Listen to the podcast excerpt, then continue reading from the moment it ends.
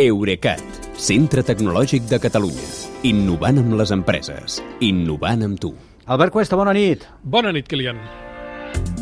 Albert Cuesta, el supervivent, perquè un dels tipus més habituals de ciberatac és el phishing, eh, la suplantació per robar-li a l'usuari les seves credencials digitals, i avui tu has patit un d'aquests atacs. Sí. I tot i haver-lo neutralitzat, hem llegit a Twitter que aplaudies els delinqüents. Uh, és que cada vegada som més hàbils, tu.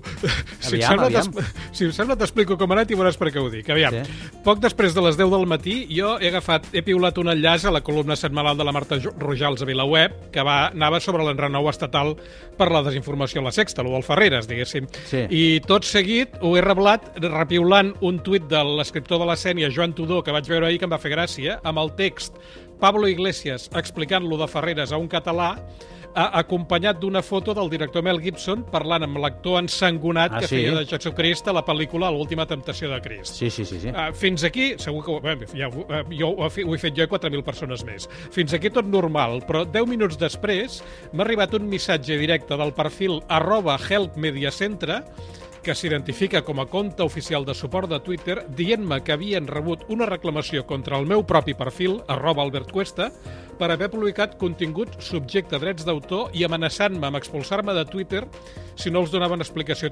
satisfactòria mitjançant un formulari web extern a Twitter que enllaçaven a sota. Això d'extern a Twitter ja m'hauria d'haver fet sospitar, però tot pensant que la suposada vulneració de drets tenia a veure amb la foto de Mel Gibson que acabava de piular, la veritat és que m'hi ha atabalat una mica i he anat al formulari, que semblava vagament les pàgines oficials de Twitter, i allà m'han demanat que m'identifiqués amb les credencials del meu perfil.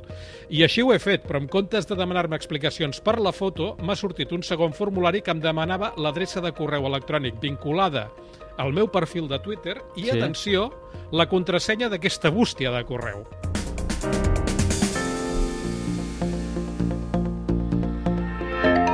I aquí és on has vist eh, una mica el llautó dels delinqüents. Exacte, perquè Twitter de la meva contrasenya de correu no n'ha de fer absolutament res. Ja. Eh, el que passa és que si els l'hagués donat a aquests individus, no només m'haurien pogut deixar sense bústia i suplantar-me per correu electrònic, sinó també haurien pogut demanar restabliment de contrasenya del meu perfil amb altres webs i interceptar els missatges de confirmació que t'arriben per correu electrònic, precisament. I per tant, què has fet? Doncs he tancat aquesta segona pàgina fraudulenta i he anat immediatament a canviar la contrasenya del perfil de Twitter, que és la que sí que els havia donat al primer formulari. Clar. En realitat, no hauria calgut, perquè tinc activada l'autenticació de doble factor i per suplantar-me els caldria el codi de sis xifres que m'arriba al mòbil cada vegada que em connecto des d'un aparell nou, però la veritat és que he preferit ser prudent. Amb això has neutralitzat l'atac, per tant, aplaudiments, però reconeixes que els delinqüents cada cop són, cada dia que passa, són més enginyosos. Ah, sí, perquè 20 minuts després del primer missatge directe n'he rebut un segon avisant-me que les credencials de Twitter que els havia donat no funcionaven i que si no els donava les correctes em- m'arriscava a quedar-me sense perfil. Això vol dir que tan aviat he caigut a la primera trampa i més, mentre esperaven si queia la segona han provat d'usupar-me el compte de Twitter.